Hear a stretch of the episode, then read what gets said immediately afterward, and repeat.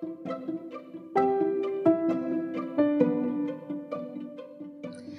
Tappers, semangat pagi!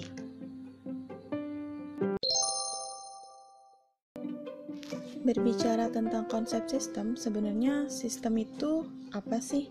Nah, menurut seorang ahli yang bernama Phil Beck, menyatakan bahwa sistem adalah objek atau peristiwa yang terdiri atas bagian-bagian atau fase yang terpisah dan himpunan seluruh bagian atau fase tersebut berfungsi secara terpadu untuk satu tujuan bersama. Jadi, sistem itu merupakan setiap bagian kecil tersebut mempunyai fungsi masing-masing, namun pada saat dikaitkan dengan fungsi bagian lain dari suatu objek atau peristiwa membentuk satu fungsi yang bersama. Itulah yang disebut sistem.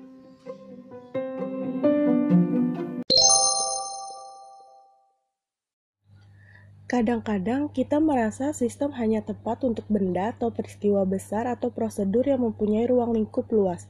Mesin tik hanyalah bagian dari administrasi keuangan. Karena itu, mesin tik hanya merupakan sebuah subsistem. Peredaran darah hanyalah sebuah subsistem dari sistem tubuh manusia. Demikian pula lemari es yang merupakan salah satu bagian dari pabrik pengalengan ikan dan pesawat televisi sebagai bagian dari sistem telekomunikasi. Bila pola berpikir tersebut diikuti secara konsisten, administrasi keuangan pun belum dapat disebut sebagai suatu sistem, karena hanya merupakan salah satu bagian dari administrasi secara keseluruhan di suatu kantor.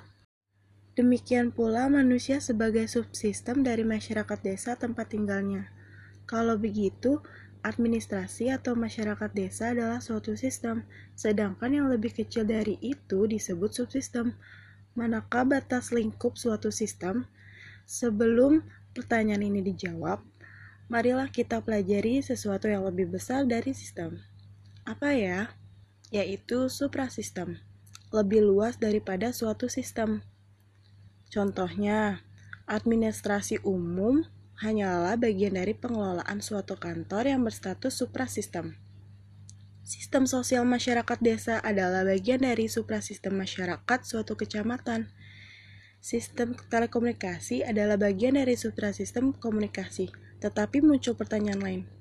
Apakah nama untuk sesuatu yang lebih besar dari suprasistem yang telah disebutkan tadi, seperti sistem administrasi negara, sistem sosial, sistem pendidikan, sistem ekonomi, jagat raya? Manakah batas subsistem Sistem, suprasistem. Jawabannya tergantung kepada tempat kedudukan Anda atau di mana Anda menempatkan diri. Bila Anda sedang mengajar di depan kelas atau mempelajari cara mengajar, kegiatan instruksional dapat Anda tempatkan sebagai suatu sistem, sedangkan penyelenggaraan tes seperti sebagai subsistem. Pengelolaan program pendidikan di lembaga Anda bekerja sebagai suprasistem. Nah, begitu pandangan bahwa kegiatan instruksional sebagai sistem bukanlah hal baru dan tampaknya disepakati oleh setiap pengajar dan pengelolaan pendidikan. Komponen-komponen di kegiatan instruksional berkaitan dan terintegrasi menjadi satu fungsi dalam mencapai tujuannya, yaitu lulusan yang berkualitas atau kompetensi seperti yang ditentukan dalam tujuan instruksional.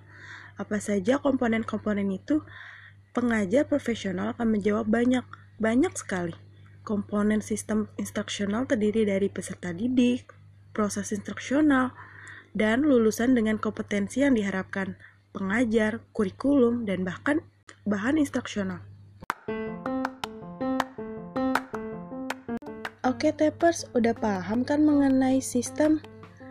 Pelajaran selanjutnya, kalian akan mempelajari tentang komponen-komponen penyusun sistem.